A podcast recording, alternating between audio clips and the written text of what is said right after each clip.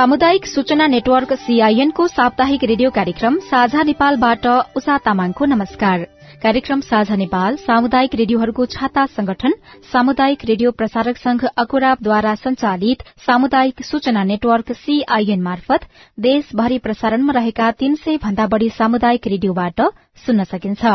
साझा Nepal डब्लूडब्लूडब्लू dot internet मार्फत चाहेको बेला विश्वभरि सुन्न सकिन्छ भने मोबाइल एप सीआईएन र हाम्रो फेसबुक पेज सीआईएन खबर मार्फत पनि सुन्न सकिन्छ। कार्यक्रम साझा नेपालको आजको अंकमा हामी चाडपर्व लक्षित सुरक्षा योजना र सर्वसाधारण नागरिक घर जाँदै गर्दा अपनाउनु पर्ने उपाय अनि बजारमा हुने ठगीलाई रोक्न सरकारले गरिरहेको प्रयासबारे छलफल गर्दैछौ। कार्यक्रमको शुरूआत गरौं चाडपर्वका समयमा सरकारले गरिरहेको अनुगमनबाट। वाणिज्य तथा आपूर्ति संरक्षण विभागले चाडपर्व लक्षित बजार अनुगमन तीव्र पारेको छ। असोज एक गते यता विभागले चाडपर्व लक्षित अनुगमन शुरू गरिरहेको हो। विभागले औषधि विज्ञ खाद्य विज्ञ नाप्तौल विज्ञ मासु विज्ञ सहित क्षेत्र अनुसारको विज्ञलाई साथमा लिएर अनुगमन गरिरहेको प्रवक्ता होमनाथ भट्टराईले सीआईएनसँग बताउनुभयो। अहिलेको बजार अनुगमन चाहिँ सतहत्तरवटै जिल्ला प्रशासन कार्यालयहरू सहायक प्रजीय मार्फत भइरहेको छ। हामीले तिनै तहको सरकारको अधिकार र कर्तव्यभित्र पर्ने भएको हुनाले उहाँहरूलाई पनि सकेसम्म समन्वय गरेर बजार अनुगमनमा चाहिँ जानलाई आग्रह गरेका छौँ र ठाउँ ठाउँबाट अनुगमनको प्रतिवेदनहरू पनि प्राप्त भइरहेको छ सूचनाहरू आइरहेको छ। त्यसै गरी हामीले प्रदेश सरकारका चाहिँ वाणिज्य हेर्ने विङ्सहरूलाई परिचालन गरेका छौँ। सरकारको चाहिँ केन्द्रीय तहमा रहेका नियमनकारी निकायहरूलाई एकीकृत रूपमा परिचालन गर्ने गरी अहिले गइ पनि रहेका छौँ। त्यही क्रममै चलिरहेको छ। फेरि इलाका प्रशासन कार्यालयहरूले पनि गाउँ गाउँमा अनुगमन कार्यलाई चाहिँ प्रभावकारी ढंगले गरिरहेको हामीले पाएका छौँ। खास अनुगमनका क्रममा चाहिँ अन्य बेलाको दैनिक अनुगमनको भन्दा यो पटकको अथवा चाडपर्व लक्षित अनुगमनमा चाहिँ के फरक छ? यसमा चाहिँ खास के छ भने हाम्रो अरू बेलाको अनुगमन चाहिँ वाणिज्य विभाग थ्रु आवश्यक पर्दाखेरि मात्रै अन्य नियमनकारी निकायहरू हुन्थ्यो। अहिले सबै नियमनकारी निकायहरूसँग हामीले चाहिँ समन्वय गरेका छौँ। अलिकति फरक त्यो छ। हाम्रो उपभोक्ताहरू धेरै सचेत भइसक्नु भएको छैन। उहाँहरूले आफूले के खरिद गर्दैछु भन्ने कुरालाई राम्ररी निहालेर हेर्नुहुन्न। त्यसैले हामीले सहकार्य गरेर उद्योग वाणिज्य संघ विक्रेताहरूको छाता संगठनहरू जिल्ला प्रशासन कार्यालय स्थानीय सरकारसँग पनि सहकार्य गरेर जनचेतनामूलक कार्यहरू चाहिँ अगाडि बढाइरहेका छौँ। त्यसमा हाम्रो पम्पलेटमा एकतिर हाम्रो नाम एकतिर चाहिँ जुन निकायले त्यो पम्पलेटिङ गर्छ त्यो निकायको नाम राखेर चाहिँ पम्पलेटिङ त्यहाँ गएर उपभोक्ता जिम्मेवार विक्रेता भन्ने नारासहित हामीले चाहिँ पम्पलेटिङहरू पनि गरेका छौँ। ठाउँ ठाउँमा अनुगमन गरिएको र सहकार्य गरिएको चाहिँ हामीलाई प्रतिवेदन सूचनाहरू प्राप्त भइरहेको छ। समग्रमा सरकारको उपस्थिति बजारमा अहिले राम्रो र बलियो नै अवस्थामा छ। सँगसँगै अनुगमन गर्दाखेरि चाहिँ अब जस्तै भनौँ न हामीले नियमित अनुगमनमै पनि साउन लागेदेखि साउन एक गतेदेखि भदौ एकतिस गतेसम्ममा जम्मा जम्मी पाँच सय उनासत्तरीवटा फर्महरूको अनुगमन भएको थियो। त्यसमा एक सय दसवटा फर्महरू कारवाहीमा परेका थिए। तेइस लाख छ्यासठी हजार रुपियाँ जरिवाना उठेको थियो र तेइस लाख तिरासी हजार पाँच सय छब्बिस रुपियाँ बराबरको चाहिँ वस्तुहरू यो म्याद गुज्रेका वस्तुहरू नष्ट गरिएको थियो। अनि हाम्रो यो जुन चाडबाड लक्षित असोज एक गते पछि भएको अनुगमनमा चाहिँ हामीले अहिलेसम्म चार सय अठाइसवटा यो भनेको चाहिँ बाह्र गते बेलुकीसम्मको रिपोर्ट हो है। चार सय अठाइसवटा फर्महरूको अनुगमन गरिसकेका छौँ र यसमा एक सय एक्काइसवटा फर्महरू चाहिँ कारवाहीको दायरामा पर्नु भएको छ। अठार लाख पचास हजार रुपियाँ जरिवाना उठेको छ र एक लाख उन्सत्तरी हजार एक सय पाँच रुपियाँ बराबरको सामग्रीहरू म्याट गुज्रेका वस्तुहरू नष्ट गरिएको छ। प्राय जसो अनुगमनको प्रतिवेदन तपाईँहरूले आफ्नो वेबसाइटमा पनि प्रष्ट देखिने गरेर बुझिने गरेर राखिदिनु भएको छ। त्यसको लागि धन्यवाद पनि भन्न चाहन्छु। र यसरी अनुगमन प्रतिवेदन हेर्दै गर्दाखेरि चाहिँ बढ़ी भन्दा बढ़ी चाहिँ खरिद बिल बिजक नराखेको आवश्यक दर्ता प्रमाण पत्रहरू नभएको लगायतको शीर्षकमा चाहिँ तपाईँहरूले यो जरिवाना गर्नु भएको छ। पचास हजारदेखि पाँच हजारसम्मको भेटेको छु मैले हेर्दाखेरि होइन? खास यो किन यति धेरै इम्पोर्टेन्ट भएको होला अथवा यति धेरै महत्वपूर्ण किन बनेको? खास खरिद बिल बिचकको कुरा अथवा कागजात राख्नुपर्ने कुराहरू चाहिँ? धेरै जसो हाम्रो उपभोक्ताहरू सचेत नभएको कारणले खरिद बिलहरू नमाग्दै नै नमागेपछि विक्रेताले बिलहरू जारी नगरिदिँदाखेरि बजारमा चाहिँ केही कुराहरू समस्या हुने गर्छ। अवांछित गतिविधिहरू पनि हुन सक्ने सम्भावना भएको हुनाले त्यस अवस्थामा चाहिँ हामीले कारवाही गर्नु परेको कानूनले चाहिँ तोक दिएको छ त्यो तोकिए अनुसार कारवाही गरिएको खास एउटा उपभोक्ताले सामान खरिद गर्दै गर्दाखेरि पालना गर्नुपर्ने नियम र जो विक्रेता छ उसले पनि उपभोक्तालाई सामान बिक्री गर्दै गर्दाखेरि चाहिँ कस्तो खालको नियम चाहिँ पालना गरिदियो भने जरिवाना भोग्नुपर्ने अवस्था आउँदैन थियो होला। हामीले हेर्दाखेरि दर्ता नवीकरण होइन सरकारका सम्बन्धित निकायहरूबाट चाहिँ अनुमति लिएको छ छैन अनि मूल्य सूची राखेको छ कि छैन लेबल लगाएको छ कि छैन कृत्रिम मूल्य वृद्धि गरेको छ कि छैन एकाधिकार कायम भएको छ कि छैन सिन्डिकेट कायम भएको छ कि छैन? मिलोमतो पूर्ण बजार भावहरू निर्धारण कार्डेलिङ जस्ता कुराहरू भएका छ कि छैनन्? हामीले त्यो एङ्गलबाट पनि हेर्छौँ होइन? खास उपभोक्ताले चाहिँ आफूले खरिद गरेको सामग्रीहरू कस्तो छ त्यसको लेबलिङ छ कि छैन कहिलेसम्म उपभोग गर्न सकिन्छ त्यसभित्रको मिश्रण के के हो कहाँ उत्पादन भएको हो त्यसको मूल्य कति हो भन्ने कुरो चाहिँ हेरेर मात्र लिइदिनु हुन म आग्रह गर्न चाहन्छु। जति उपभोक्ता सचेत हुनुहुन्छ जागरुक हुनुहुन्छ त्यति नै त्यति नै बढी चाहिँ यो विक्रेताहरू पनि जिम्मेवार बन्दै जानुहुन्छ। सँगसँगै हामीले छाता अर्गनाइजेसन उठेको वाणिज्यका छाता अर्गनाइजेसनदेखि लिएर हरेक विक्रेताहरूलाई चाहिँ आफू जिम्मेवार बन्न पनि आग्रह गर्न गर्ने गरेका छौँ। अब सामान्य कुरा गर्दाखेरि हामी कुनै मार्टमा गयौं भने अथवा सुपर मार्केटहरूमा गयौं भनेदेखि त्यहाँनिर हामीले के के सामान किन्यौं सर र त्यहाँनिर लिस्ट पनि हुन्छ त्यहाँ कति रुपियाँ तिर्यो त्यो पनि हुन्छ बिल पनि पाइन्छ होइन? तर त्यही सामान चाहिँ यदि हामीले एउटा किराना पसल अथवा खाद्य पसलमा अथवा लुगा पसलमा गएर किन्यौं भने त्यही बिल चाहिँ हामी फेरि लिँदैनौ। यस्तो खालको कमजोरीले चाहिँ व्यापारलाई अथवा समग्र देशलाई अथवा हामी उपभोक्ताको अधिकारमाथि चाहिँ कस्तो खालको असर पुग्छ छोटोमा बताइदिनुहोस् न। यसले त देशको राष्ट्रिय अर्थतन्त्रमै असर पुग्छ होइन त्यही भएर हामीले सबैलाई जिम्मेवार बन्न आग्रह गरेका हौँ। किनभने त्यहाँभित्र ट्याक्सेसनका कुराहरू हुन्छन् मूल्यका कुराहरू हुन्छन् होइन? त्यो यो चाहिँ खरिद बिक्री भनौँ न अपचलनका कुराहरूका सम्भावनाहरू रहन्छन्। त्यो भएको हुनाले हामीले सबैलाई जिम्मेवार भन्न आग्रह गरेका हौँ। अब विभागले काठमाडौँ उपत्यका काभ्रेपलाञ्चोकको पनि केही तथ्याङ्क भेटेको थिएँ मैले अनुगमनको होइन? गरिरहेको छ टोली बनाएर अघि नै भनिसक्नु भएको छ क्षेत्र विशेष टोली बनाएर तपाईँहरू खटिराख्नु भएको छ उपत्यकामा। उपत्यकासँगै नजिकको छिमेकी जिल्लामा पनि। अब देशभरको सतहत्तरवटा जिल्ला सात सय त्रिपन्नवटा पालिकामा चाहिँ उनीहरूको पनि अधिकार क्षेत्रभित्र त पर्छ अनुगमन। त्यसो हो भने तपाईँहरूको तर्फबाट कस्तो खालको समन्वय भइराखेको छ? अथवा जिल्ला जिल्लामा बसेर हामीलाई सुन्दै राख्नु भएको जो जो अधिकारीहरू हुनुहुन्छ उहाँहरूले खास गरिदिनु पर्ने चाहिँ के हो यस्तो बेला? बजार अनुगमनमा हामीले जति पनि मैले सात सय त्रिपन्न यो चाहिँ स्थानीय सरकार र जिल्ला प्रशासन कार्यालय सतहत्तरवटा इलाका प्रशासन कार्यालयहरू वाणिज्य क्षेत्र हेर्ने चाहिँ प्रदेशका सरकारका चाहिँ निर्देशनालय आधिकारिक निकायहरूलाई संघीय सरकारमा रहेको उपभोक्ता संरक्षण ऐनको चाहिँ जुन निरीक्षण अधिकृत तोक्ने अधिकार छ त्यो अधिकार प्रत्यायोजन गरेका छौँ र उपभोक्ता संरक्षण ऐन अनुसार नै उहाँहरूले चाहिँ तत्काल कारवाही गर्ने लगायतका कामहरू गर्नलाई चाहिँ आग्रह गरेका छौँ। हाम्रो अधिकार नै उहाँहरूलाई प्रत्यायोजन गरेर अलिकति प्रभावकारी ढङ्गले बजार अनुगमन गर्नको लागि अधिकार प्रत्यायोजन गरेर आह्वान गरेका छौँ र सहकारी गरेका छौँ। अब व्यापारीहरूले खुलम खुल्ला जस्तो हिजो भर्खर एक सय बिस रुपियाँ दर्जन केरा पाइन्थ्यो भने अब दसैँको मुखतिर एक सय पचास एक सय साठी पुग्छ किन भन्दा दसैँको कारणले गर्दा भनिन्छ होइन? यो पनि एक किसिमको त ठगी नै भयो। अब यस्तो अवस्थामा चाहिँ उपभोक्ताहरू गुज्रिरहेका छन्। उनीहरूले उजुरी कहाँ गर्ने र त्यस्तो उजुरीको तत्कालै रेस्पोन्स हुन्छ कि हुँदैन? हजुर हुन्छ। त्यो उजुरी हाम्रो त्यो सिआरएमएस भन्ने एउटा पोर्टल पनि छ सचेतले त्यहाँ गर्न सक्नुहुन्छ। केही भएन एघार सय सैतिस भन्ने टोल फ्री पैसा नलाग्ने हाम्रो नम्बर छ एघार सय सैतिसमा। फोन गर्नुहुन्न म आग्रह गर्न चाहन्छु। अब अन्तिममा चाहिँ यो दशैंको मुख्य जुन विधाको समय छ यसपालि त झन्डै झन्डै एक साता जति नै विधा छ होइन? यस्तो बेलामा अथवा तिहारकै कुरा गर्दाखेरि पनि यो विधाको समयमा पनि बजारमा चहल पहल हुन्छ किनबेच हुन्छ। यस्तो समयमा तपाईँहरूले पनि अनुगमनलाई निरन्तर जारी राख्नुहुन्छ कि के छ त्यो बेलाको छुट्टै विशेष व्यवस्था? यस्तो छ त्यतिखेर चाहिँ हाम्रो डेडिकेटेड टिम रहन्छ यहाँ होइन? कहीँबाट केही सूचना आयो भने उजुरी बेसमा त्यतिखेर पनि आवश्यकता अनुसार जिल्ला प्रशासन प्रहरी प्रशासन लगायत अन्य विज्ञहरूसँग समेत समन्वय गरेर त्यो डेडिकेटेड टिम एउटा दुईटा टिम हुन्छ यहाँ दुईटा टिम गठन गरेर राख्छ त्यो टिम चाहिँ परिचालित हुन्छ।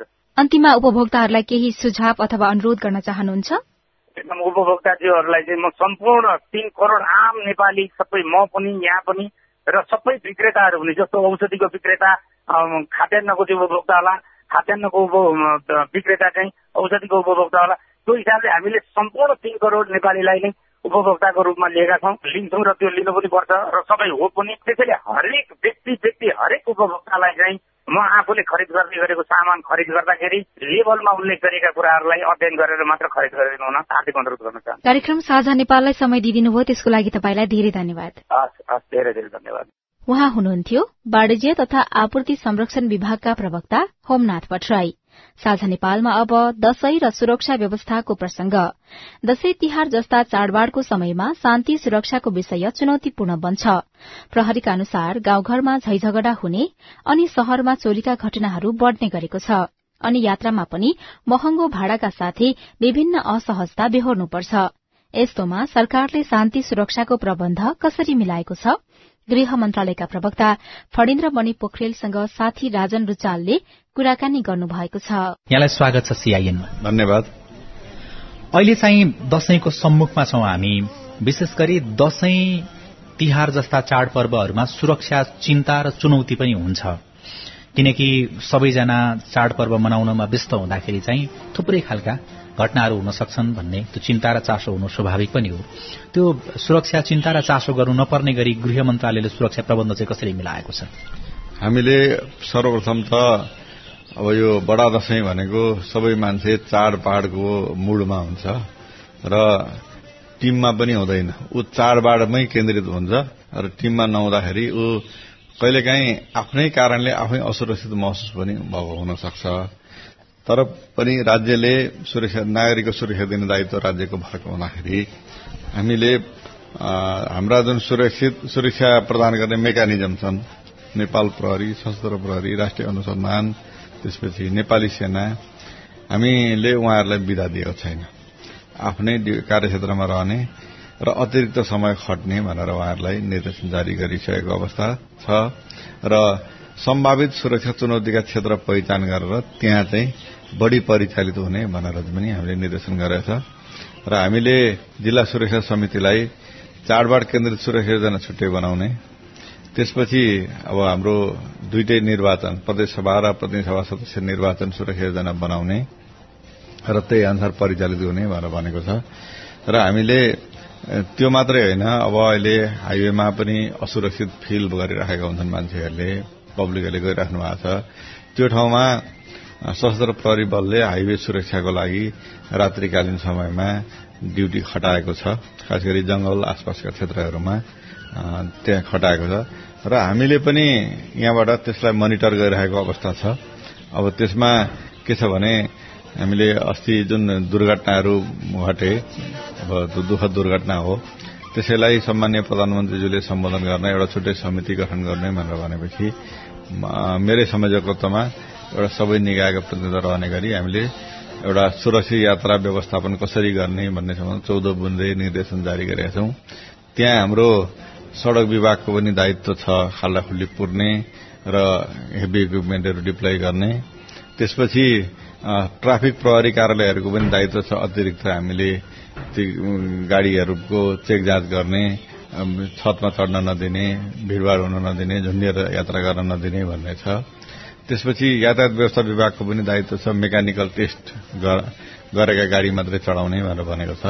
उहाँहरूले अहिले ती कामहरू गरिराख्नु भएको छ। यातायात व्यवसायीको पनि दायित्व भनेर उहाँहरूलाई पनि हामीले राखेको छ। उहाँहरूले पनि त्यस्तो किसिमको यी सबै काममा सहयोग गर्नुको अतिरिक्त यदि ठूलो दुर्घटना भयो भने तपाईँहरूले फण्ड कलेक्सन गरेर भए पनि त्यसलाई तिनै पब्लिकहरूलाई रेस्क्यू गर्नुपर्छ भनेर चाहिँ हामीले उहाँहरूलाई अनुरोध गरिसकेको अवस्था छ। हामी यही परिवेशमा सुरक्षित यात्रा र सुरक्षित समाज कसरी निर्माण गर्ने भनेर स्थानीय तहहरूसँग पनि प्रदेश सरकारसँग पनि समन्वय गरेर सुरक्षित यात्रा गर्नलाई सुरक्षित रहनको लागि र चाडबाड मनाउँदाखेरि तडक भडक नगरिकन मनाउन चाहिँ सबैलाई अनुरोध गर्न जिल्ला सुरक्षा समितिलाई हामीले अनुरोध गरिसकेको अवस्था पनि छ। जस्तो यही बीचमा दुईवटा चुनाव पनि आउँदैछ। संघीय र प्रदेश तहको चुनाव पनि हुँदै गर्दाखेरि चाहिँ गाउँ गाउँमा पुगेका मान्छेहरूबाट नै पनि कतिपय ठाउँहरूमा सुरक्षा चुनौती चाहिँ थप बढ्न सक्छ। त्यसमा चाहिँ सरकार कति सजग छ र त्यसको त्यस्तो हुन नदिनको लागि न्यूनीकरण गर्नको लागि चाहिँ सरकारले गरेको के हो? र त अब अहिले मैले अघि पनि स्पष्ट पारे पार्न प्रयास गरेँ। जस्तो के छ भने अब बाहिरबाट कोही मान्छे घर जान्छ अथवा कुनै समूहमा जान्छ ऊ आफै पनि असुरक्षित हुन पनि सक्छ ऊ सुरक्षाको कारक तत्व पनि असुरक्षित बनाउने कारक तत्व पनि बन्न सक्छ। त्यस कारणले गर्दा यी दुइटै पक्षलाई मूल्याङ्कन गरेर स्थानीय प्रहरी इकाइहरूलाई खट्ने र खट्दाखेरि स्थानीय समुदाय स्थानीय तहहरूसँग समन्वय गरेर परिचालित गर्नु भनेर हामीले भनिसकेको अवस्था छ। त्यही अनुसार उहाँहरूले आफ्नो सुरक्षा योजना बनाएर चाडबाडमा तडक भडक नगरौं भनेर कतिपय चेतनामूलक कार्यक्रमहरू पनि लिएर समुदायमा गइरहेको अवस्था पनि छ। अर्को चाहिँ निर्वाचन आचार संहिता पनि लागू भयो। त्यसो भइसके पछाडि त्यतातर्फ पनि त सुरक्षा चिन्ता र चासो त स्वाभाविक हिसाबले बढाउनुपर्छ होला। अब यस्तो छ हामीले चाडबाडलाई छुट्टै निर्वाचन आचार संहितालाई छुट्टै भन्ने कुरो सोध्नु हुँदैन। यी विषय सँगसँगै जान्छन्। जस्तो निर्वाचन आचार संहिता उल्लंघन भयो अथवा पालना गराउनु पर्यो भने कहाँ भन्दा त्यही समाजमा हो। चाडबाडमा असुरक्षित भइयो अथवा चाडबाडलाई व्यवस्थित गर्ने कहाँ भन्दा त्यही समाजमै हो। दुईटै आँखाबाट हाम्रो पुलिसले मोनिटर गर्छ। त्यस कारणले दुईटै विषयलाई चाहिँ सँगसँगै लिएर जान्छौँ हामी। अर्को चाहिँ चाडबाडको बेलामा सबैभन्दा बढी अप्ठ्यारो सुरक्षा चुनौती खड़ा गर्ने भनेको चाहिँ जाँडरक्सी सेवन मदिराको कुरा। त्यस पछाडि अर्को जुवातास लगायतका विषयहरूले पनि सुरक्षा चुनौती खड़ा गर्छ। त्यसमा चाहिँ कतिको सजगता अप्नाइएको छ? हामीले यो विषयलाई गम्भीरता साथ लिएका छौं। खास गरी चाडबाडमा हाम्रो जाँडरक्सी खाने र के अरे जुवातास खेल्ने भन्ने एउटा संस्कार डेभलप भइसकेको छ। हामीले संस्कार चेन्ज गर्नलाई अलिक गाह्रो गाह्रै हुन्छ हुन चाहिँ। जस्तो कानूनहरू संशोधन गर्न सजिलो हुँदो रहेछ। संस्कार चेन्ज गर्न चाहिँ यसले टाइम लिन्छ। त्यस कारणले गर्दाखेरि हामीले त्यस्तो प्रवृत्ति देखियो भने जानकारी गराउन उत्प्रेरित पनि गरेको छ। समाजमा त्यो नगर भनेर समुदायलाई भनेको पनि छ। र तर त्यो उत्प्रेरित गरेर जसले सूचना दिन्छ त्यो ठाउँमा गएर हामीले पक्रेर कारवाही पनि गर्छौं। त्यस कारणले गर्दाखेरि त्यसमा केही न्यून हुन्छ होला जस्तो लाग्छ र जहाँमा लाग्छ विगत भन्दा बिस्तारी जाँड रसी खानेकुरामा त म भन्दिनँ जुवा तासमा चाहिँ केही कमी भएको मैले आफूले चाहिँ फिल गरेको छु। र तपाईँहरूको रेडियो मार्फत म सबैलाई यस्ता कुरामा कम्प्रोमाइज नगरिकन भनौँ न कसैले त्यस्ता बदमासी कामहरू गरेछ भने ती मान्छेहरूलाई कानूनको दायरामा ल्याउन स्थानीय प्रहरीलाई सहयोग गर्नुहोस् भनेर म हार्दिक आग्रह पनि गर्दछु। अन्तिममा चाहिँ जस्तो टाढा टाढाको यात्रामा पनि यति बेला मान्छेहरू हिँडिराखेका हुन्छन्। बस चढेर जाने कुरा यातायातको सुविधा पुगेका ठाउँहरूमा चाहिँ कतिपय अवस्थामा महँगो भाडादर तिर्नु परेको कुरा पनि आउँछ भनेदेखि अनि छतभरि यात्रु चढाएर लगेको कुराहरू होइन? क्षमताभन्दा बढी यात्रु चढाएको कुराहरू पनि आउँछ। त्यस्तो विषयमा चाहिँ त्यो अनुगमनलाई प्रभावकारी कसरी बनाइन्छ त? हामीले जस्तो के पनि गरेछ भने यसपालिको हामीले चौध बुधे निर्देशनमा त्यो बसभित्र प्रहरीलाई टेलिफोन गर्ने टेलिफोन नम्बरहरू राखिदिनु होला भनेर अनुरोध गरेको छ। मैले त अनुगमन गरेको छैन। सिडिओ साहबलाई अनुगमन गर्न भनेको छ। जस्तो अहिले हाम्रो ट्राफिकको एक सय तीन नम्बर पुलिसको एक सय नम्बर हाम्रो के अरे जिल्ला प्रहरी प्रमुखको चारवटा पाँच लास्टमा सिडिओको चारवटा सात मेरो पनि लास्टमा तीन नम्बर। यी यी नम्बरहरू हाम्रा सार्वजनिक नै छन्। र कसैले पनि जस्तो हुन सक्छ गाडीमा चढ्दाखेरि ड्राइभरको हकाई अलि तीव्र गति भयो अथवा कहीँ बसेर अलिकति जाँड खाएर चाहिँ हाँको अथवा कुनै शंकास्पद देखियो भने त्यस्तामा फोन गरेर फलानु गाडीमा म चढिरहेको छु त्यो असुरक्षित भयो भनेर भन्नुभयो भने तत्काल कारवाही गर्न चाहिँ हामीले उत्प्रेरित गरेको चाहिँ गृह मन्त्रालयका प्रवक्ता फणिन्द्र मणि पोखरेलसँगको कुराकानीपछि कार्यक्रम साझा नेपालमा तपाईंलाई पुनः स्वागत छ। तपाई अहिले सामुदायिक सूचना नेटवर्क सीआईएन मार्फत देशैभरका सामुदायिक रेडियोबाट कार्यक्रम साझा नेपाल सुन्दै हुनुहुन्छ। कार्यक्रममा अहिलेसम्म हामीले शान्ति सुरक्षाका लागि सरकारको योजना र उपभोक्तालाई ठगिनबाट जोगाउन गरिरहेको बजार अनुगमन बारे कुराकानी गर्यौं। अब घर जाँदै गर्दा आम नागरिकले अपनाउनु पर्ने सुरक्षा योजनाको प्रसंग। यस वर्ष करिब तीस लाख सर्वसाधारण नागरिक दशैं मनाउनका लागि उपत्यकाबाट गाउँ जाँदैछन्।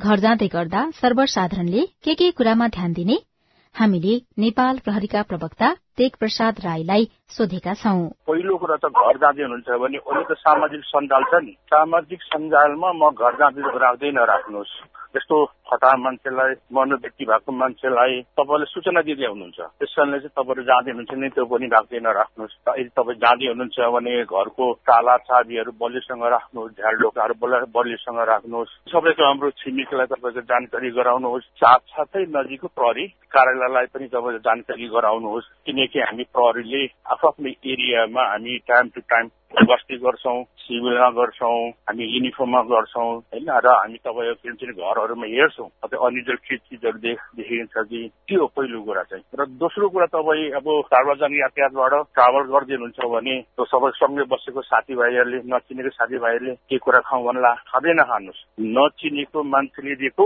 चिज बिच चाहिँ खाँदै नखानुहोस् त्यो तपाईँ बिग्नु सक्छ।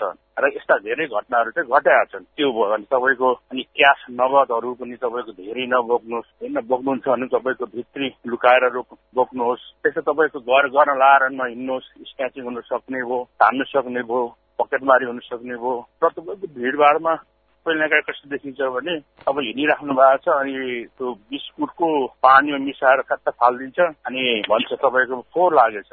तपाईँको फोहोर अनि पानी पनि उसले खनाउँदै गरेको हुन्छ खनाइदिन्छु भन्छ तपाईँको झोला राख्नुहुन्छ अर्कोलाई आउँछ झोला टिपेर कुद्छ। त्यो एउटा अब चाउचो भन्ने हुन्छ एउटा वस्तु चिज हुन्छ। त्यो शरीरमा लगाइदिन्छ सुटुकै त्यसले चिलाउँछ। चिलाउँदाखेरि तपाईँ कपडा खोल्न थाल्नुहुन्छ तर त्यो बोकेर कुद्ने पनि हुन्छ। त्यो चाहिँ सामान्य सामान्य चिजहरू हुन्। त्यो चिजहरू मात्र हामी आफूले पनि गर्न सक्छौँ। र त्यस्तै अनयुजल चिजहरू देख्नुभयो भने तपाईँलाई त्यस्तो व्यक्तिहरू चिज देख्नुभयो शङ्का लाग्यो भने सय नम्बरमा फोन गर्नुहोस् तपाईँको प्रहरीहरू तुरन्त आइपुगिहाल्छ हेर्नुहोस्। र तपाईँ जाँदा जाँदा कहिले काहीँ बाटोमै पर्नु भएको छ भने पनि एउटा पुलिसको एउटा पुलिस एप छ।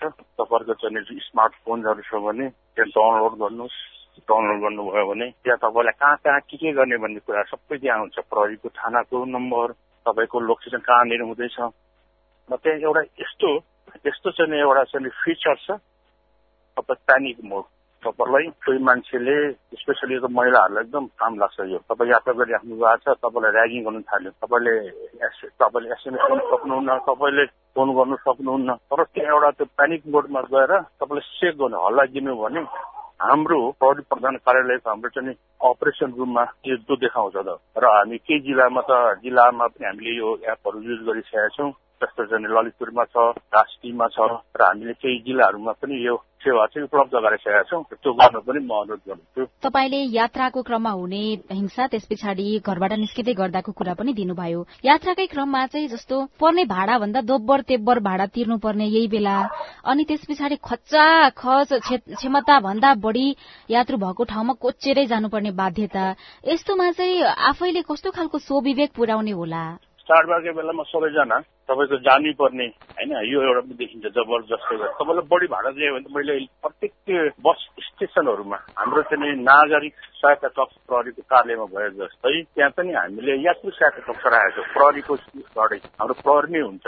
त्यहाँ जानुहोस्। प्रहरीले तपाईँलाई सहयोग गर्छ क्या त्यहाँ जानुभयो र त्यहाँ चाहिँ तपाईँलाई बढी भाडा लिने तपाईँको चाहिँ कहिले काहीँ चाहिँ गाडी साडी यो सबै टिकट चाहिँ नक्कली टिकट काटेर ठगी गर्ने देखिन्छ हेर्नुहोस्। दलाल त्यसलाई पनि हामीले कारवाही गरिरहेका छौँ। त्यसको लागि म चाहिँ के हुन्छ त्यस्तो भयो भने तपाईँ चाहिँ त्यहाँ अगाडि हाम्रो यात्रु सेट कक्षा छ त्यहाँ नै जानुभयो भने तपाईँलाई चाहिँ सबभन्दा सजिलो हुन्छ। तपाईँ ठगिने बाटो बद्नुहुन्छ केही दिन अगाडि धादिङकै घटना हुन सक्छ? त्यहाँनिर बढी भाडा लियो भनेर उजुरी गरियो त्यस पछाडि सड़क नै अवरुद्ध हुने गरेर यातायातै सञ्चालनमा ल्याएन। यस्तै खालको डर पनि हुने नि त यात्रुलाई। आफू पनि पुग्नु छ।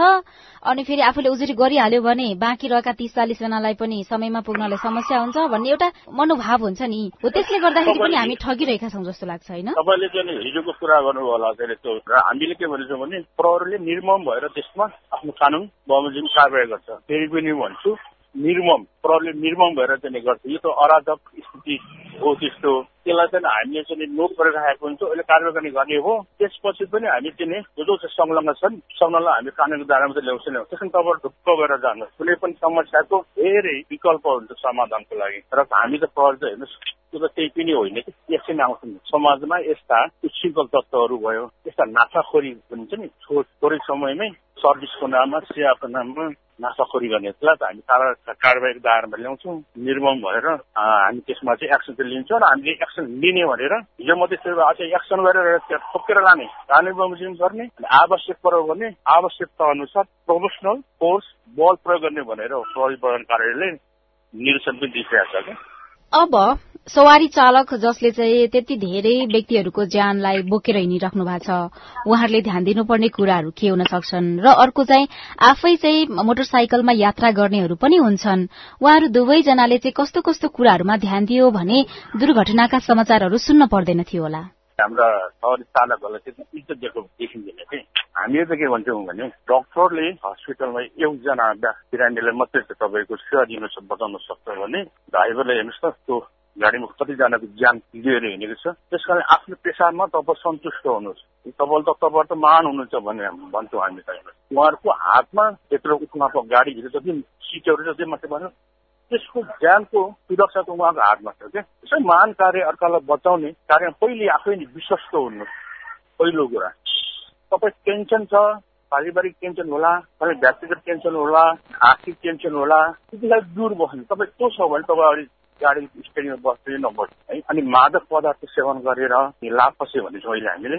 लागु पदार्थ सेवन गरेर जाँदै नजानु। अहिले हामीले ठाउँ ठाउँमा लागु पदार्थ सेवन गर्नेहरूको लाई पनि हामी चेक जान्छौँ लागु पदार्थ सेवन गरेको छ कि छैन भनेर हामीले चाहिँ त्यो चेक गर्ने गरेका छौँ। हामीले अस्ति दिनमा चाहिँ हामीले तिनजना चालकहरूलाई लागु पदार्थ सेवन गरेको भेटेका छौँ। उहाँलाई हामीले कारवाही गरेका छौँ।